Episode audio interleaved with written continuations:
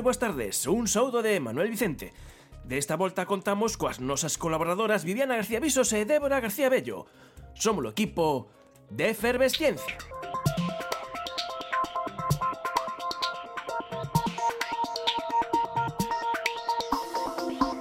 A cura do aburrimento é a curiosidade.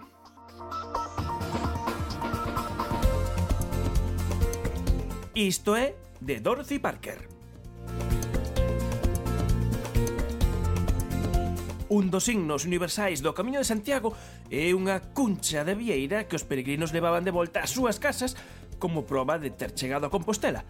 E precisamente, falando de vieiras, un equipo suizo-israelí de investigadores veñen de publicar o mes pasado un artigo en Science onde estudan en detalle o sistema de visión de tan suculento molusco.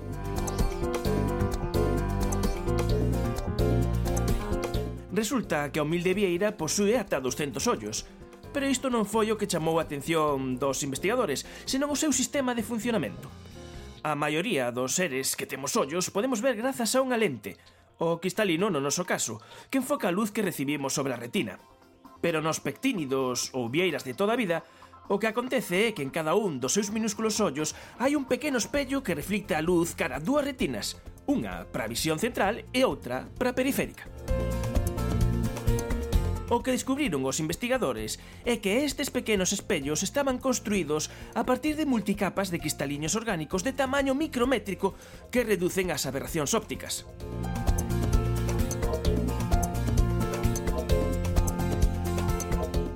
Todo isto pode parecer un pasatempo, pero non o é. Os telescopios actuais son de tipo reflector, é dicir, con espello, o igual que as vieiras. Para pescar o maior número de fotóns posible e poder ver obxectos máis distantes, precisamos de espellos o máis grandes que poidamos construir. Pero técnicamente é moi difícil facelos dunha soa peza. De aí que a solución en multicapas da Vieira pode ser a inspiración para deseñar telescopios potentes con espellos segmentados. Benvidos a efervesciencia, hai outros mundos, pero están neste. Efervesciencia. Doses de ciencias en contraindicacións. Patrocinado pola FECIT, Fundación Española para Ciencia e a Ministerio de Economía, Industria e Competitividade. Unha colaboración da Universidade de Santiago e a Radio Galega.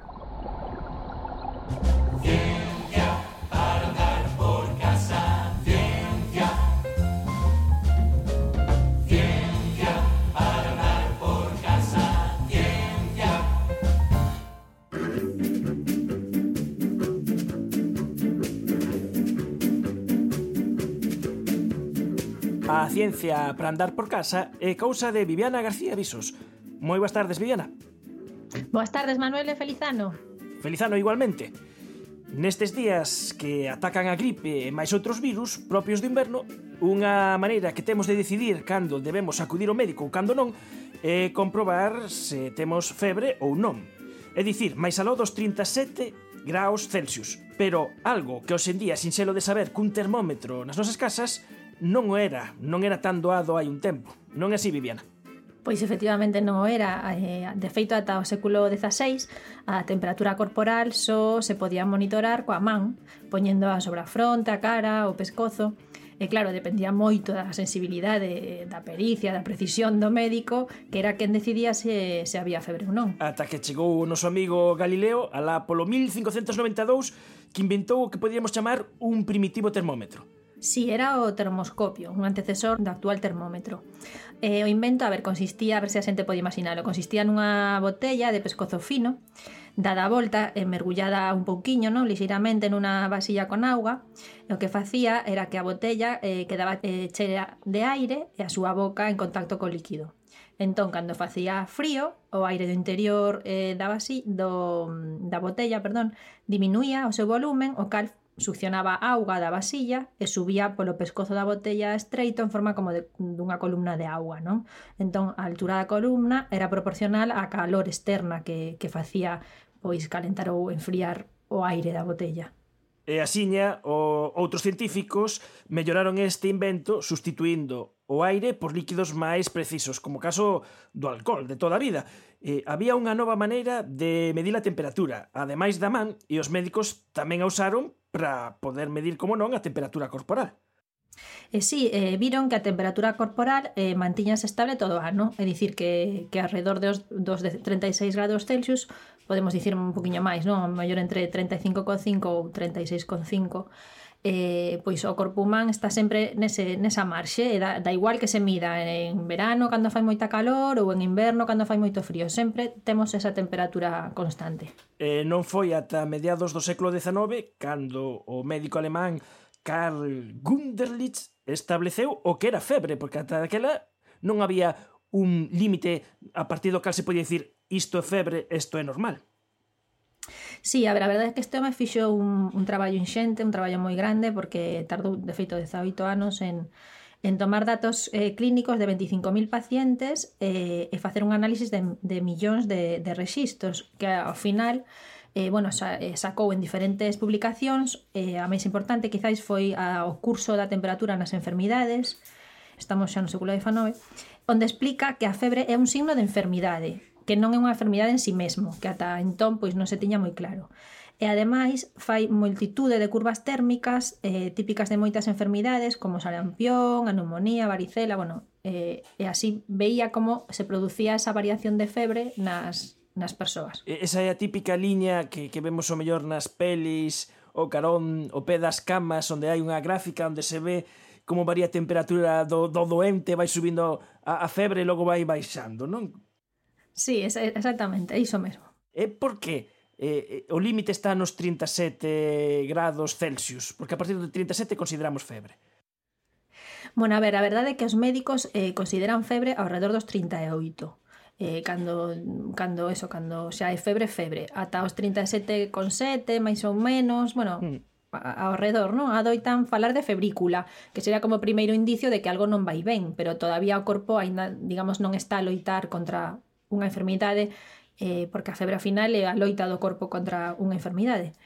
Eh, e, bueno, xa, xa chegamos a, a, a temperaturas maiores, superiores aos 40,5 eh, graus Celsius, entón considerase hipertermia grave eh, e pode ter consecuencias irreversibles, mesmo pode che fallar o, corra, o corazón ou, bueno, algo máis máis eh, grave. Neste caso sí que poderíamos decir que a febre convértese nunha, nunha enfermidade ou por lo menos nunha causa de que se pode facer eh, dano, non son un síntoma. Uh -huh. E cal é o mellor xeito de baixar a febre?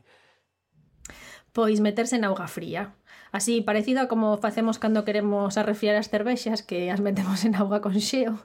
Bueno, o medero do xeo xa é demasiado non? Pero, pero sí, meterse en auga, na auga fría. Non é o método máis agradable pero sí o máis efectivo. O que non se debe facer nunca que hai algunha xente que o tenga non sei por que o ten metido na cabeza é abrigarse. Eso de sudar a, a enfermidade esos eh, nunca porque se te abrigas vai subir aínda máis e eh, bueno. O que si sí podemos comentar os que xa temos un poquiño de idade e que daquela os termómetros eran os famosos termómetros de mercurio, que agora están prohibidos totalmente. Sí, o mercurio é un bo medidor de temperatura porque se expande rapidamente en función da calor eh, que recibe, por eso era tan usado, non? E, eh, era o máis, cando nos éramos pequenos era o máis, o que máis se vía, pero dende, dende o 2014 está prohibido en toda a Unión Europea porque, bueno, porque agora sabemos que ten riscos para, para a saúde, para o medio ambiente, e comprobouse que a inhalación de vapor de mercurio eh, pois pode producir danos en diferentes lugares, non danos cerebrais, neurolóxicos, sobre todo tamén entre a xente máis máis nova, que normalmente a maioría que ten máis veces febre, non? E máis veces tiña que usar o termómetro. Pero bueno, temos afortunadamente os termómetros digitais. Sí, e ademais he encontrado que pensa algunha xente eh, son igual de fiables que os de mercurio ou, bueno, de outros líquidos e ademais eh, moito máis rápidos usalos. Eh, o que sí pode ser que ás veces a usalos poida resultar máis complicado e por eso a xente pensa que funcionan peor ou que non, non é o mesmo eh, sobre todo para xente xa de unha idade, non? Como non bueno, que... pero son sinceros, eh, darlle, darlle un botón, esperar que faga pipi e xa está, non ten ningún segredo. Sí. Sí, sí, eh, eso, un pouquiño de práctica e, e miden exactamente igual que os de Mercurio.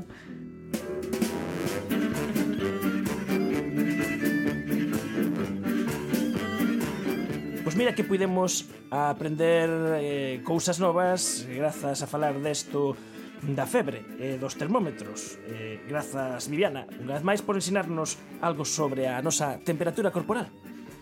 Gracias a ti, Manuel.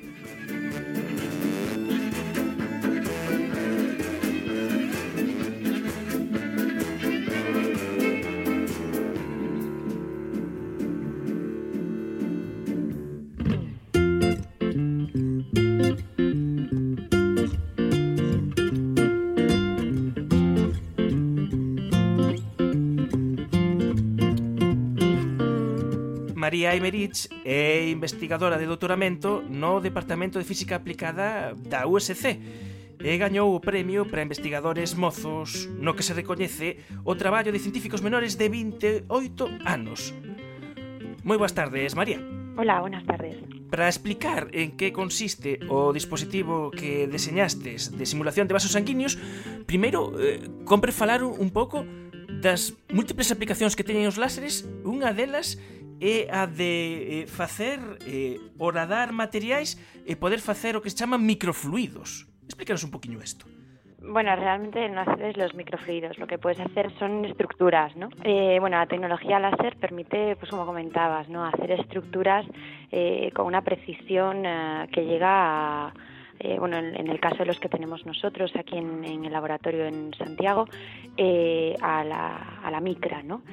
eh, bueno, eh, permite llegar a la micra, pero también permite llegar a dimensiones mayores. Nosotros ahora mismo estamos eh, haciendo estructuras que eh, imitan de algún modo a vasos sanguíneos un poquito más grandes, ¿no? a coronarias, que son más o menos del orden de los milímetros. O que fai o láser eh, de algún xeito e quemar unha parte do, do material e deixar ese, ese oquiño onde se crea a canle coas características que vos desexades.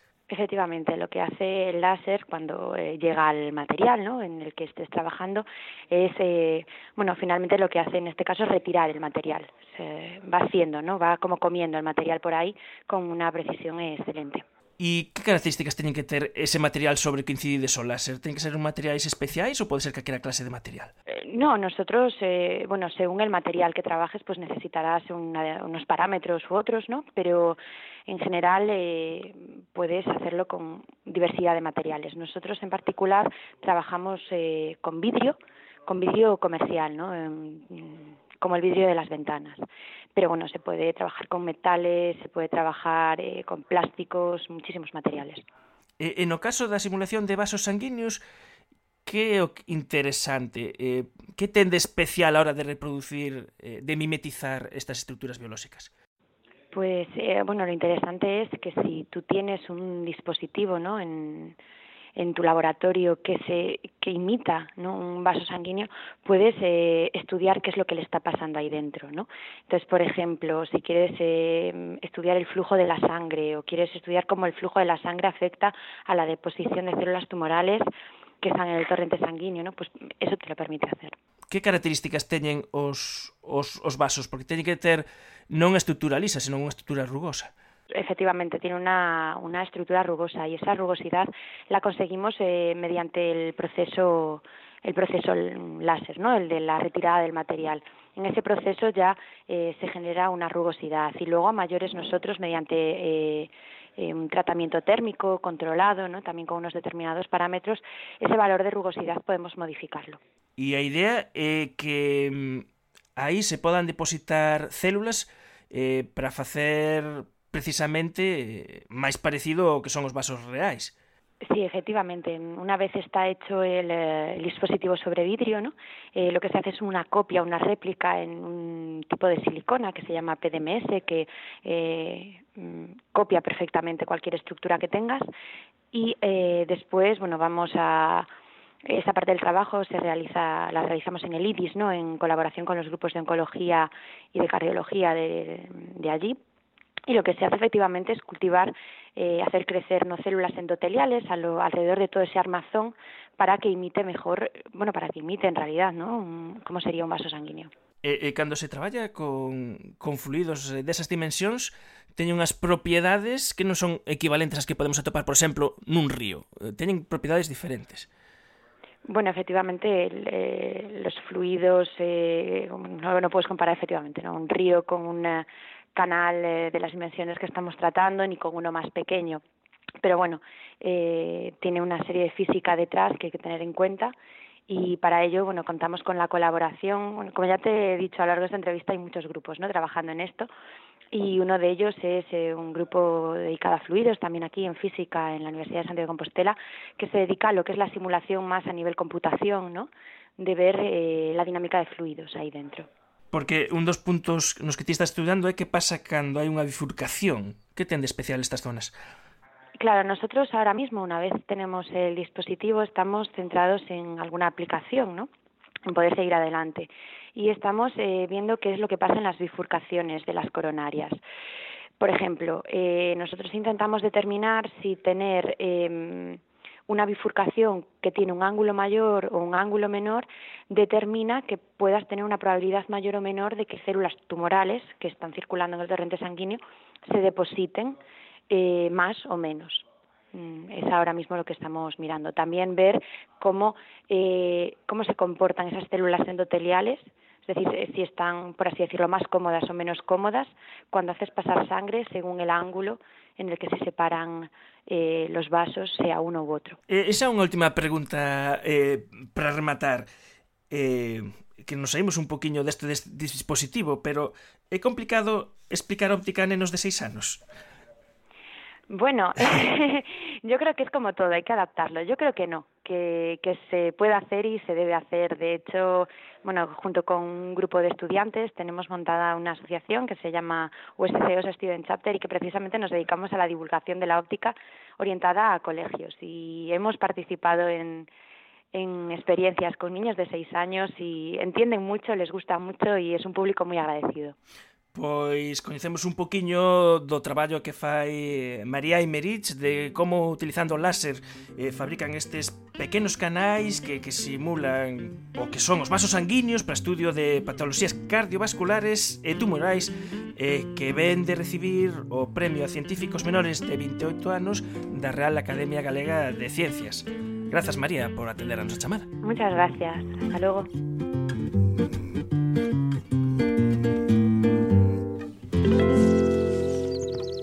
¿Los osos tienen cuernos? No. Entonces, ¿eso de ahí qué es? ¿Una vaca? Una vaca. ¿Y las vacas están en peligro de extinción? No. No. ¿Por qué? ¿Porque hay muchas? Exacto, porque hay muchas. ¿Sabes lo que está en peligro de extinción? Aparte de los osos. Las ballenas. Tú. Tú estás en peligro de extinción. Yo mismo te extinguiré si vuelves a dejar a Gaia suelta. Si quieres ser zoólogo, es mejor que te impliques más en lo que haces.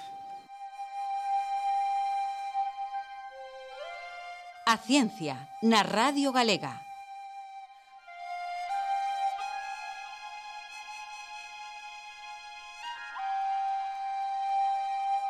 Eva Rodríguez traenos as novas da Xencia Sync. Moi boas tardes, Eva. Hola, Manuel, moi boas tardes.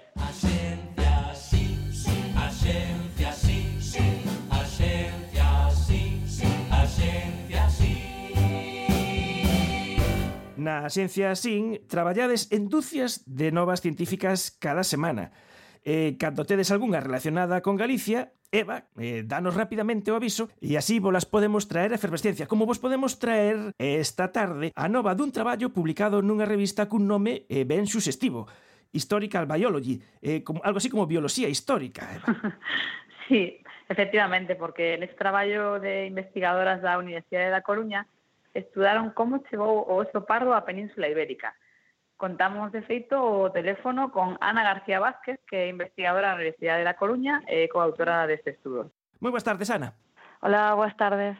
Boas tardes, Ana. Vos reconstruíste neste estudo a colonización dos osos pardos mm, que chegaron á Península Ibérica despois de Aiseo.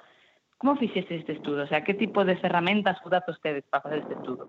Eh, este estudo está basado en dous tipos de datos principais por unha parte os datos de datación por carbono 14 e por outra parte os datos de ADN mitocondrial. Xuntando estas dúas ferramentas podemos ver un pouco que tipo de osos pardos e cando estiveron en distintos lugares. A maior parte do traballo está basado en osos pardos que atopamos eh, no noroeste da Península Ibérica, na, na Serra do Courel e tamén en, en Asturias. O ADN mitocondrial é ese que se transmite por vía materna, non si? Sí, sí, é o que se transmite de nais a fillos, polo tanto podemos ver como foi a, as migracións das femias. E concluídes neste, neste estudo que a teoría dos refugios glaciares, que era a que hasta agora estaba vixente, non funciona para a especie dos osos pardos. En que consiste esa teoría uh -huh. dos refugios? Eh, esta teoría redactouse para eh, os osos pardos eh, actuais O que se veu é que os osos do, do sur das penínsulas europeas están relacionados cos do norte. Por exemplo, os de, da península ibérica, as poboacións actuais cantábrica e pirenaica, están relacionadas coa do sur da, de Escandinavia. Logo, o que, se, o que se veu cando se empezaron a, a secuenciar fósis tanto de, da península ibérica como de outros lugares do occidente de Europa como de, de Inglaterra, eh, o que se veu é que non era tan, tan clara esta relación eh, sur-norte, digamos. Porque coido que pensábase que eh, o, a Península Ibérica sería como especie de reservorio cando estaba todo xeado e logo volveron a Escandinavia. Sería esta, esta idea, a teoría dos refluxos glaciares era esa? Sí, sí, eh, é unha idea pois moi lóxica, non? Cando fai frío, os animais van a zonas que son máis eh, que teñen temperaturas máis altas dentro do que cabe, non? E logo cando os xeos retiranse, pois poden ocupar distintas zonas. E vos atopades que non é tan así. Que pasou aí? Si, sí, atopamos que, no, que non pasa isto, non? Por exemplo, hoxendía podemos encontrar osos pardos en moitas partes do mundo, non? Dende desertos como o deserto do Gobi hasta en Alaska. Entón, o que nos dá que pensar é que non debe de estar tan restringido non? Ao, ao sur das penínsulas. Cando se mira o ADN mitocondrial e, e as datacións por carbono 14, o que atopamos é que na época máis fría non atopamos oso pardo no norte da Península Ibérica. Non hai osos pardos da, do último máximo glaciar, entón, polo tanto, eh, non podería ser o refuxo. O que, suce, o que nos eh, pensamos é que foi unha parte céntrica por exemplo, en Francia, a partir da cal estendeuse cara a Escandinavia, cara eh, norte da Península Ibérica e tamén cara a Inglaterra.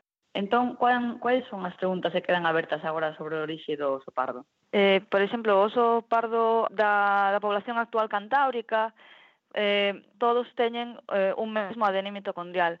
Isto debeuse a que a población nos últimos séculos foise reducindo debido eh, á expansión humana e, e a caza. Pero unha cousa que sucede con este haplotipo de ADN mitocondrial é que non, non atopamos eh, en ningún dos, dos fósiles posglaciares. O que sí, sí que está emparentado. Pensamos que quizáis este, este haplotipo estivera noutra parte da península ibérica. Por iso é interesante secuenciar outros osos do, do sur da península ibérica. Unha cousa que me parece curiosa é que eh, vos desbotades eh, para o caso do oso eh, esta teoría de, deste reservorio na Península Ibérica para logo eh, volver a Escandinavia, eh, decides que ese reservorio ten que estar eh, máis ao norte, probablemente en Francia. Ademais, de chamades como un reservorio críptico, o, o nome é, é moi suxestivo. Entón, tamén tedes que agora que reenfocar as vosas investigacións cara a Francia. Eh, ao que, que pasa en Francia é que non existe, non está ningún oso antigo eh, secuenciado. Sí que hai algún oso da, da idade de bronce, así máis recente, pero non, non tan antigo, da, da época fría. Eh, e o que sí que hai son, son datacións cousa que non sucede no norte da península ibérica, non? Que non atopamos ningún, ningún oso destas épocas.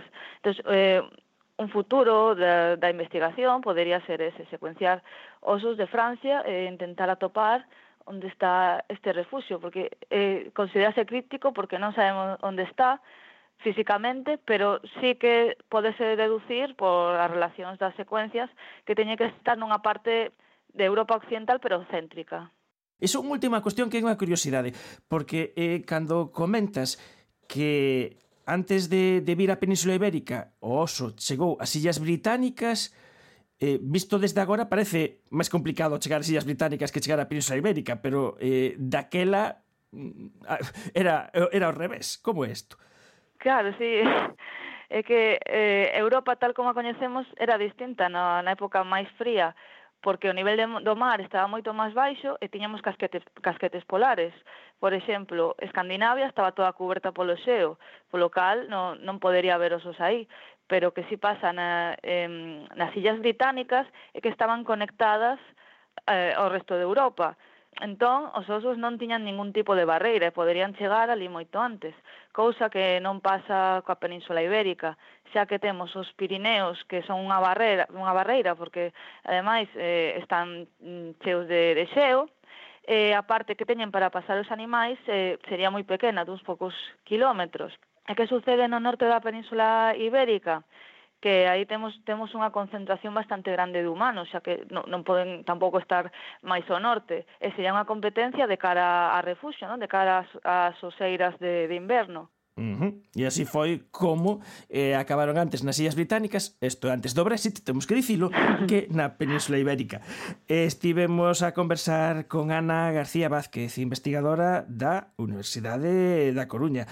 Moitas grazas por atender a chamada de efervesciencia. Ah, de nada, gracias a vos. E tamén estivemos, como sempre que falamos con Sin, con Eva Rodríguez. Moitas grazas, Eva. Hasta a próxima. Test 37 de resistencia do cristal laminado XRTG do novo tren de alta velocidade ou impacto accidental de aves mediante simulación dinámica de lanzamento de galliformes con canón. Resultado catastrófico. O paxaro rompe o parabrisas e destrue asento do conductor. Aquí falla algo. Non sei o que. Pero se estamos a reproducir o protocolo da Administración Federal de Aviación, especie gallos gallos domésticos, ángulo de incidencia, mm, velocidade, ben, ben, está todo ben. Oes, ese probades a descongelar o polo.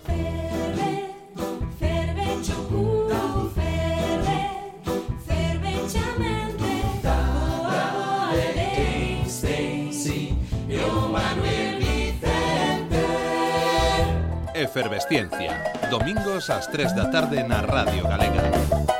Manuel, como funciona unha neveira? eh, as neveiras que temos pois, nos nosos eh, fogares, incluso temos equipos de aire eh, acondicionados, funcionan empregando un fluido refrigerante, ese fluido eh, mediante un compresor, aplícase unha, unha presión que o que vai facer é comprimir ese, ese fluido. Entón, durante ese proceso de, de compresión pois, do, do fluido, se unha, unha calor, entonces aí entra un, eh, un, eh, un circuito refrigerante, que o que vai a, a facer é eliminar esa, esa calor, pois pola parte exterior da neveira. Entonces cando se eh, retira esa presión, o gas vaise a, a expandir e para que o gas se expanda, pois ten que absorber pois, eh, pois calor, non? E esa é a calor que vai absorber do, do interior da, da nosa neveira. Así, mediante repetindo este proceso durante moitos eh, ciclos, o que conseguimos pois é que a nosa neveira enfríe e o calor que, que temos no interior da neveira pois estáse eh, expulsando pois, pola parte exterior pois, da, da, da neveira.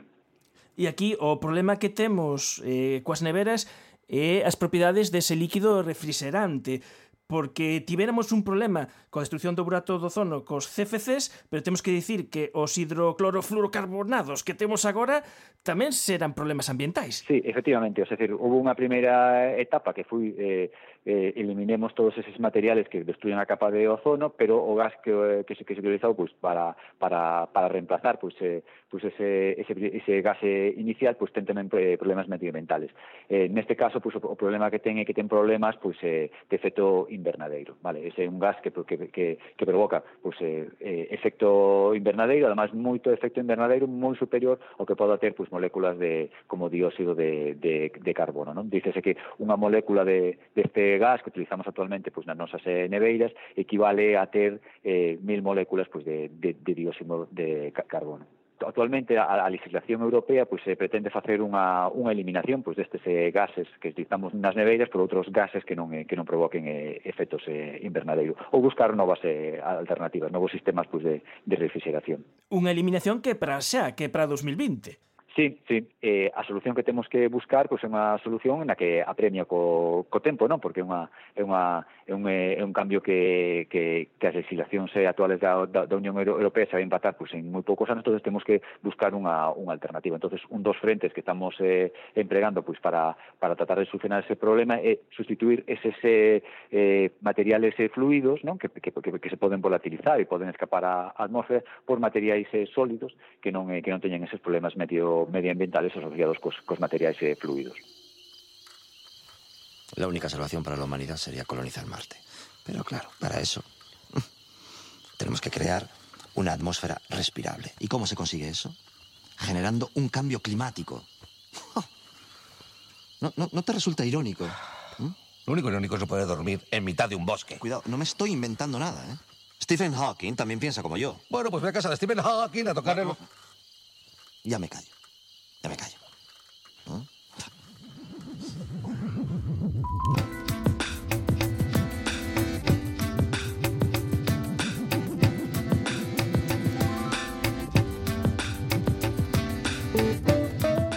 Manuel Sánchez Andújar é investigador do Departamento de Química da Universidade da Coruña. É membro do equipo de traballo conxunto entre o Departamento de Química e o Departamento de Enxeñería Naval e Industrial da mesma universidade e que veñen de gañar o Premio de Investigación 2017 da Real Academia Galega de Ciencias, precisamente por buscar unha alternativa viable e eficaz aos refrigerantes fluidos. Moi boas tardes, Manuel. Boas tardes eh, viñamos falando, Manuel, de que para evitar os problemas ambientais dos refrigerantes fluidos, podríamos botar man de refrigerantes sólidos. Eh, sólidos que, ademais de evitar esas pérdidas á atmosfera, eh, poderían ser moi facilmente reciclables. Sí, non ten problemas medio medioambientales, o sea que sería un, eh, un material pues, que non se nos vai volatilizar, que non ten componentes eh, eh, volátiles, ademais os componentes que nos estamos eh, utilizando pues, son, eh, son materiales que non teñen ningún eh, peligro pues, eh, pues medio medioambiental, e sí, podríanse eh, reciclar e volver a, a, a reutilizar. E precisamente vos o que conseguistes demostrar é que un material que ten estrutura de, de perosquita eh, pode reunir esas propiedades. E, e cando falamos de estrutura de perosquita, estamos falando cunha familia moi grande de, de materiais, moitos que se poden sintetizar eh, no laboratorio que teñen unha estrutura moi definida. Sí, a estrutura eh, perusquita pois é, eh, é unha estrutura que incluso se encontra na natureza, é dun mineral, é unha estrutura pois é eh, moi sinxela que ten multitud de, de, de, de aplicacións. Unha aplicación que, que nos pode sonar a, a todos pois son as, de, a, as memorias USB que utilizamos ou as tarxetas que utilizamos pois, nos nosos teléfonos móviles pois, para guardar fotos ou para guardar eh, música, pois é para, para, para guardar ese tipo de, de información que estamos utilizando son uns tipos de materiais con estrutura eh, perusquita. Entonces, a estrutura perusquita, desde o ámbito científico, científico é un material que se ven estudiando desde fai moitos, eh, moitos anos e que ten multitude de, de, de aplicacións. Porque o que ten ademais a, a perosquita que tamén están dando moito que falar precisamente con outra aplicación moi interesante que son como placas solares. E eh, mesmo se están vendo como eh, alternativas ao silicio Sí, eh, nese campo tamén estamos eh, traballando, pois, eh, facendo in investigación nas, nestas novas eh, perosquitas eh, eh fotovoltaicas, decir que, que, que se trata pois, de o, Este é outra problemática, non? O, o problema que temos actualmente co silicio eh, para, para a produción de, de fotovoltaicas é que é un material moi caro, non? Producilo o, o silicio con, eh, con unha calidade aceitada pois, para ser eh, aplicado en, eh, en, en aplicacións eh, fotovoltaicas requiere un, un silicio dunha calidade pois, moi elevada que producir ese silicio é costoso. entonces eso fai que a aplicación da, das, eh, dos paneles solares fotovoltaicos pois, non sexa tan, eh, tan extendido por, por, por culpa de problemas de, de costes. entonces recentemente, pero imaginemos no ano 2009, pois surdiu unha nova alternativa que é utilizar unha, unha perusquita como material eh, fotovoltaico. É un material pois, que, no, que nos últimos anos a súa eficiencia pois, foi crecendo pois, eh, exponencialmente, actualmente pois, a, a, a eficiencia que se consigue con estas perusquitas fotovoltaicas é similar a que se pode conseguir con, eh, co silicio, E a ventaxa, a gran ventaxa que fai pois, moi competitivo frente ao silicio é o, é o precio. É unha perusquita pois, moi, moi, moi barata de, de preparar. Entón, o proceso de preparación é moi, é, é moi barata. Entonces, pois pues, eh, esta perusquita eh, fotovoltaica pois pues, vai a ter tamén pois un, eh, un recorrido pois moi eh, moi grande. De feito, xa moitísimo hai moitísimos grupos de investigación e empresas que xa están eh, eh tratando de facer comercial pois esta esta perusquita fotovoltaica. E, e volvendo eh, a estes sólidos eh, que poden ter eh, cualidades refrigerantes, eh, na bibliografía seca que xa existían sólidos eh, que podían ser refrigerantes, pero que para ter estas cualidades necesitabas eh, gastar pois moita enerxía ou o mellor, por exemplo, eh, facer unhas presións moi grandes para producir sí. eses efectos ou uns campos magnéticos enormes que non eran en absoluto prácticos. Efectivamente, esos dos grandes problemas que eh, dunha das grandes limitacións que tiña o de utilizar eh, materiales sólidos como, como refrigerantes. Eh, a, a gran limitación é que se si, si, si intentabas utilizar aproveitando a, a presión, tendrías que ir a presións moi, eh, moi elevadas, se intentabas utilizar campos magnéticos, tenían que ser campos magnéticos pues, moi elevados. entonces a, a, a gran ventaza desta perusquita que é unha perusquita híbrida, ¿no? que ten componentes inorgánicas e componentes eh, orgánicas, e a componente orgánica dá unha certa flexibilidade ao, ao material, fai, fai que se material pois que sea moito máis sensible á, á presión que, que digamos que un material eh, que sea 100% eh, eh, inorgánico. Entonces, esa combinación deses eh, elementos, non? parte inorgánica con parte orgánica, fai que o material sea moito máis eh, moito máis flexible e moito máis sensible á presión, sendo necesario aplicarlle presións pois, eh, moito máis baixas para ter un, eh, un efecto de refrigeración. Hmm. No vosso caso, cando aplicades presión, que acontece baixa ou sube a temperatura? como o, o igual que pasa nos eh, nos eh, nos, eh, nos gases cando cando cando nos aplicamos unha unha presión a temperatura eh, eh, aumenta e despois cando retiramos a, a presión a, a, a temperatura eh, disminuye. E isto conseguides facer eh, a, a temperatura un poquinho máis alto que a temperatura ambiente. De momento, o, o material que nós temos é un pelín máis de temperatura ambiente, o cal é unha, é unha limitación, pero, bueno, a química pois, per, permítenos pois, ir, ir facendo sustitucións. No noso caso temos o catión manganeso, entonces podemos temos aí unha serie de, de, de elementos, veciños do, do manganeso, o, o cobalto, ferro, níquel, cobre, que os cales podemos sustituir para tratar de tra, eh, de, de, de conseguir que o efecto non só teña lugar a temperaturas eh, elevadas, senón poder traelo hacia a temperatura eh, ambiente. E a presión eh, é unha presión hidrostática, é dicir, como se estivese eh, sí, eh, asolagado nun fluido, necesitas un fluido aí. Sí, a, a presión apl aplicaríase igual cos compresores que temos nas neveras eh, actuales. Os, os, os niveles de presión que, que, que, que estamos eh, a cadar, pues, con, eh, con 80 bares, pues, sería suficiente. Entonces, eh, as, eh, as neveras eh, actuales, pues, poden, os compresores das neveras eh, actuales poden chegar a esos niveles de, de, de, de presión. E outro problema que, ademais, eh, semella que o, o vosso material non sufre ese problema é eh, que nestes materiais previos que non, non tiñan eh, estas cualidades que necesitaba tanta presión eh, ou campos magnéticos ou eléctricos eh, tan grandes, tamén tiñan un problema de que a partir dun determinado número de ciclos deixaban de ter o efecto, que digamos que como se se gastasen. Eh, sí, eso suele, suele pasar eh, eh, a, a veces y, y también otra serie de, de, de efectos que eh, non defectos, senón eh, inconvinte que presentan estes eh, materiales eh, que había antes do, do, desta perusquita híbrida, era eh, que eran materiales caros. Uh, estaban feitos con metais pois, que van a ser eh, moi exóticos, é dicir, non son metais que sen abundantes na corteza terrestre, entonces eh, facía que, que desde o punto de vista tamén da, da, da aplicación, o material que ti necesitas para refrigerar, iba a ser moi, moi, moi costoso. Mm. E os resultados eh, deste novo material os publicaste recentemente, saíron en xuño, eh, Nature Communication Communication, que é unha revista das top.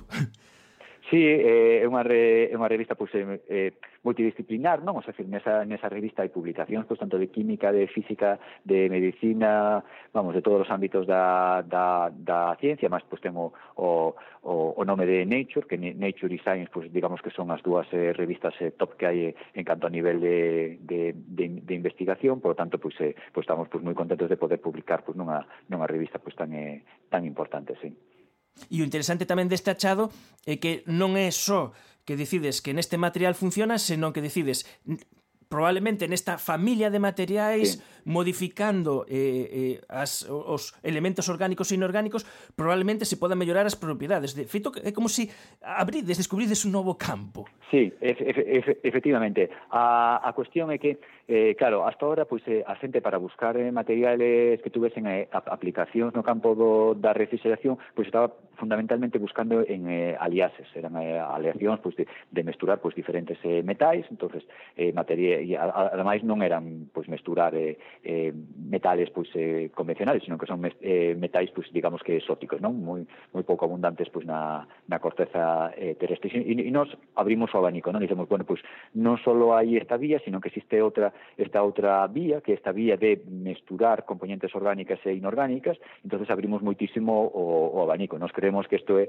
só unha, unha pequena punta, non? Que, que, que, as, que, as, que as propiedades que se poden ir, ir, ir optimizando. De feito, nos poucos eh, meses que, que levamos a tratando de optimizar, xa conseguimos, pois, eh, por exemplo, comentabas da temperatura, aproximala máis a temperatura ambiente e incrementar un, pois, un, eh, un pelín pois, os, os efectos de refrigeración que pode ter o, os, eh, eh, o, o material. Entonces creemos que hai moito, moito campo todavía de investigación pois neste, neste, neste tema.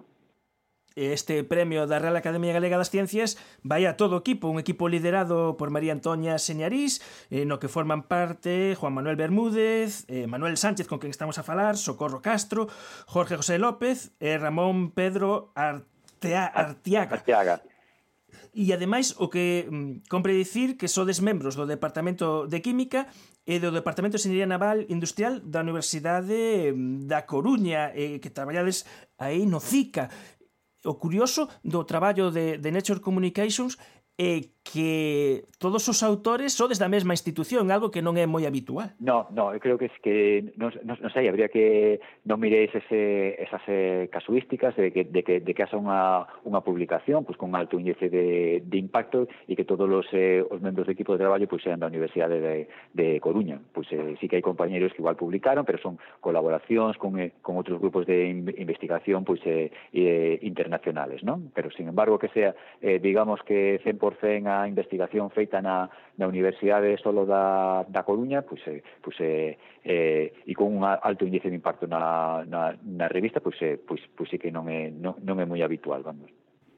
Un traballo eh, puramente da Universidade da Coruña que abre un novo campo no que se fixo por un traballo como, como non pode ser outro xeito multidisciplinar. Eh, no teu caso, eh, ao, ao final de, de cada artigo científico eh, ponse un poquinho que fai cada quen, como é ese reparto de tarefas, e a túa especialidade é a preparación do material e logo medilo por difracción de rayos SES.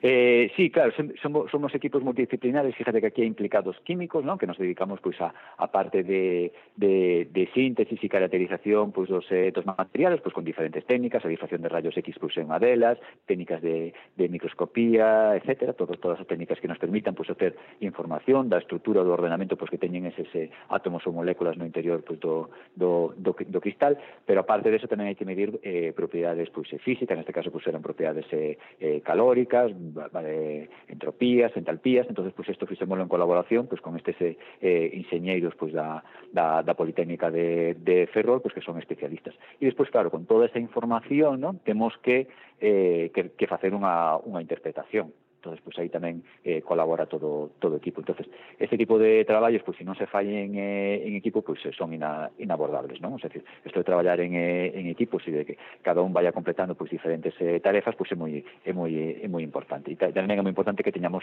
pois pues, todos pues unha visión global pois do do do do, do problema, non? non que cada un quede na súa perfiliña, senón que todos pues, ao final acaban comprendendo o, o traballo. Eh, xa para rematar, por onde van os, os seguintes pasos? Os seguintes pasos, claro, eh, nós que acabamos de descubrir é que a nivel de laboratorio estes materiales pues, funcionan moi moi ben, os parámetros que nos medimos pues, son son moi bons pues, para este tipo de aplicación, pero ahora queremos eh, facer xa un, eh, xa un dispositivo. entonces ahora eh, temos un novo proxecto de, de investigación e, e tamén ampliamos o ámbito de, de traballo, vamos a traballar pues, con, con, un, eh, con un grupo da, da Escola de Náutica, tamén daqui da Universidade de, de, de Coruña, e tamén vamos a colaborar pues, eh, con, con físicos da, da Universidade de, de, de, Santiago coa idea de tratar de facer un eh, dispositivo, es decir, os materiales que nos eh, preparamos, non só deixalos aquí no laboratorio, senón que ver se si isto eh, funciona moi ben pois, pues, tamén dentro dun, eh, dun dispositivo pois, pues, de, de, de refrigeración. Entonces, esa eh, unha das, eh, das, eh, das eh, dos, dos procesos que vamos a, a facer. Preparar dispositivos e, por outra parte, tratar de buscar novos eh, materiais que teñan as propiedades, eh, estas eh, propiedades de refrigeración pois, eh, optimizadas pois estaremos atentos aos resultados desas investigacións eh, estaba pensando que tedes que poñerlle un nome a esta clase de compostos para que sexan fáciles de definir. Eh. no, bueno, nome nome teñi, no, chamanselle ese, por exemplo, cando cando cando o efecto pois pues, é debido a, a presión, o estímulo externo que nos aplicamos ao, ao material para para que surda o efecto, chamanse materiais barocalóricos. Barocalóricos. O gallá poidan sair eh, materiais barocalóricos da Universidade da Coruña que poidan ser unha alternativa factible os materiais, os refrigerantes que temos todos agora nas nosas casas e que teñen o problema de que son gases de efectos invernadoiro. Eh, parabéns, Manuel Sánchez Andújar, por este premio da Real Academia Galega de Ciencias e, eh, por favor, fainos chegar a todo o vosso equipo pois así o farei chegar. Moitas gracias polo voso interés e pola nosa oportunidade pois, de, de divulgar a nosa, a nosa investigación. Moitas gracias. Dimetil sulfuro Dimetilsulfuro, Débora García Bello. Moi boas tardes, Débora. Moi boas tardes, Manuel.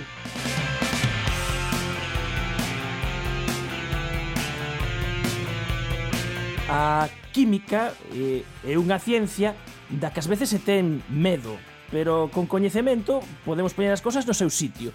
Como, por exemplo, o caso do glifosato. Que é o glifosato? Pois o glifosato é un herbicida, é dicir, é unha sustancia que utilizase para, para matar eh, ervas ou plantas. E por que é tan polémico? Pois eu penso que é polémico eh, porque en realidad o desarrollou a empresa a empresa Monsanto. En, ali polo ano 74 empezou a comercializarse co nome de, de Roundup eh, esta empresa que é a que coñecemos polo tema dos transxénicos pois é eh, un pouco controvertida. Entón penso que por iso este herbicida pois ten eh, toda esa polémica detrás e moitos grupos ecoloxistas pois están facendo presión para, para que non se utilice. E que empezou a utilizarse porque porque en realidade mata prácticamente todas as plantas este herbicida. Entón, pois é moi práctico, por exemplo, para botar eh, nas, eh, na carreteira ou en, en parques, en zonas onde non queres que creza nada.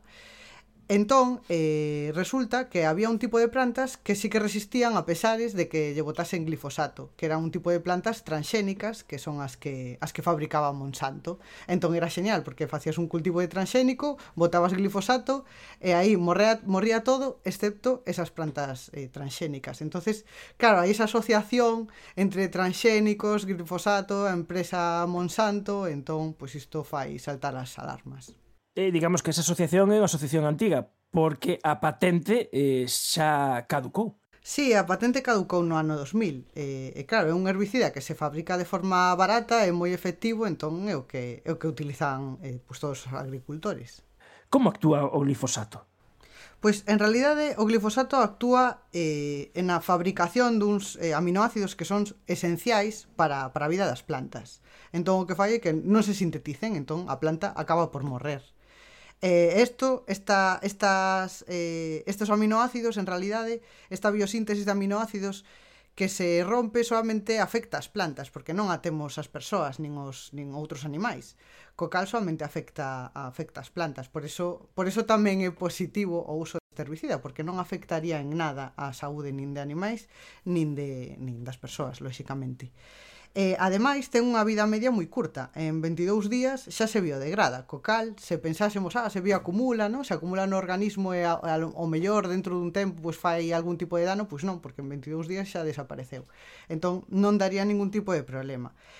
O que ocorre é que fixeron os estudios, como fanse sempre, con, con todas estas sustancias eh, novas, se, se ten algún tipo de, de acción toxicolóxica e estudiouse tamén se será potencialmente canceríxeno e por aí ven un pouco a controversia. Conchote, contoche un pouco porque eh, houbo unha como un enfrontamento entre a, a EFSA, a Autoridade Europea de Seguridade Alimentaria, e, e a Axencia Internacional para a Investigación do Cancro, que, que depende da, da Organización Mundial da Saúde, e parecía que chegaran a conclusións diferentes.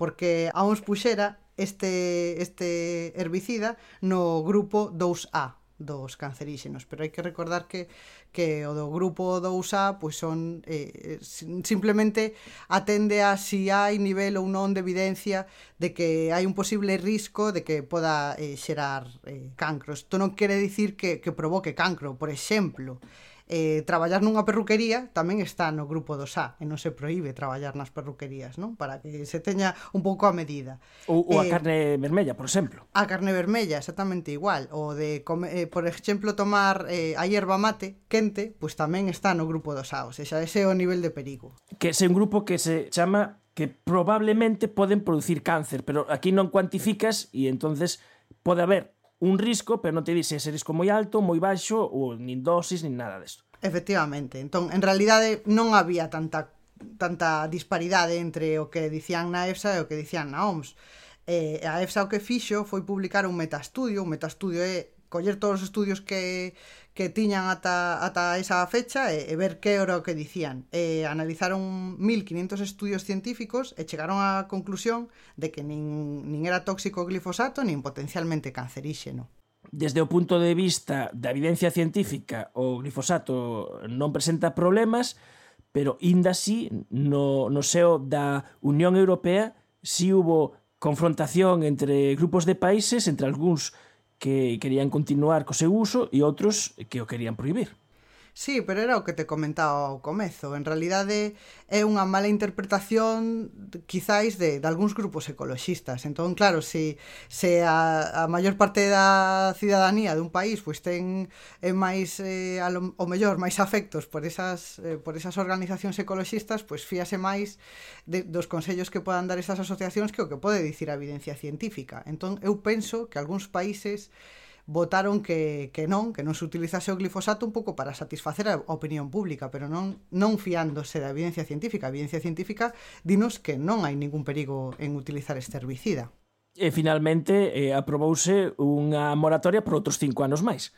Pois sí, agora en, en decembro fixose como a última votación a ver se se utilizaba ou non este herbicida e aprobouse.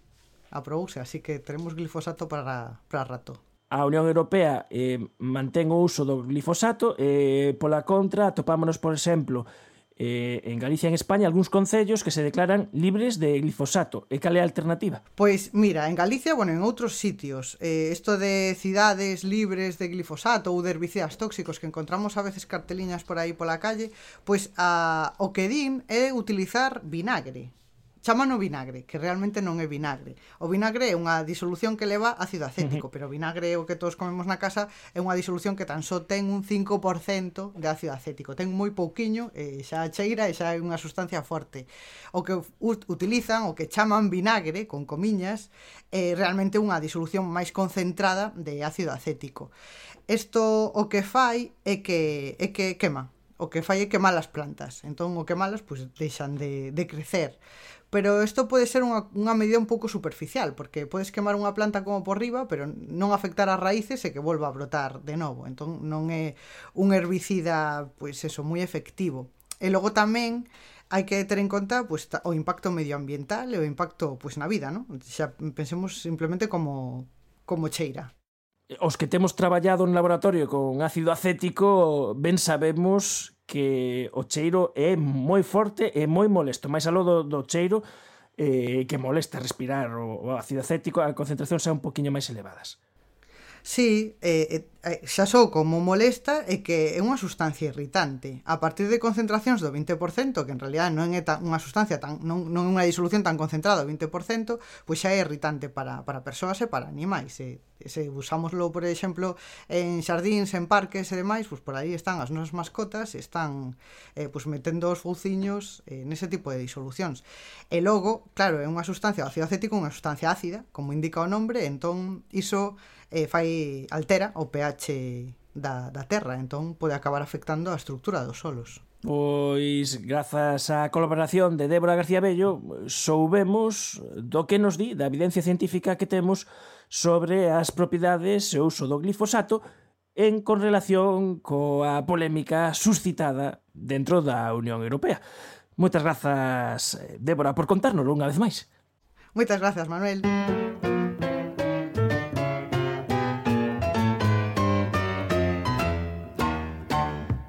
Efervesciencia. Patrocinado pola FECIT, Fundación Española para a Ciencia e a Tecnoloxía, Ministerio de Economía, Industria e Competitividade.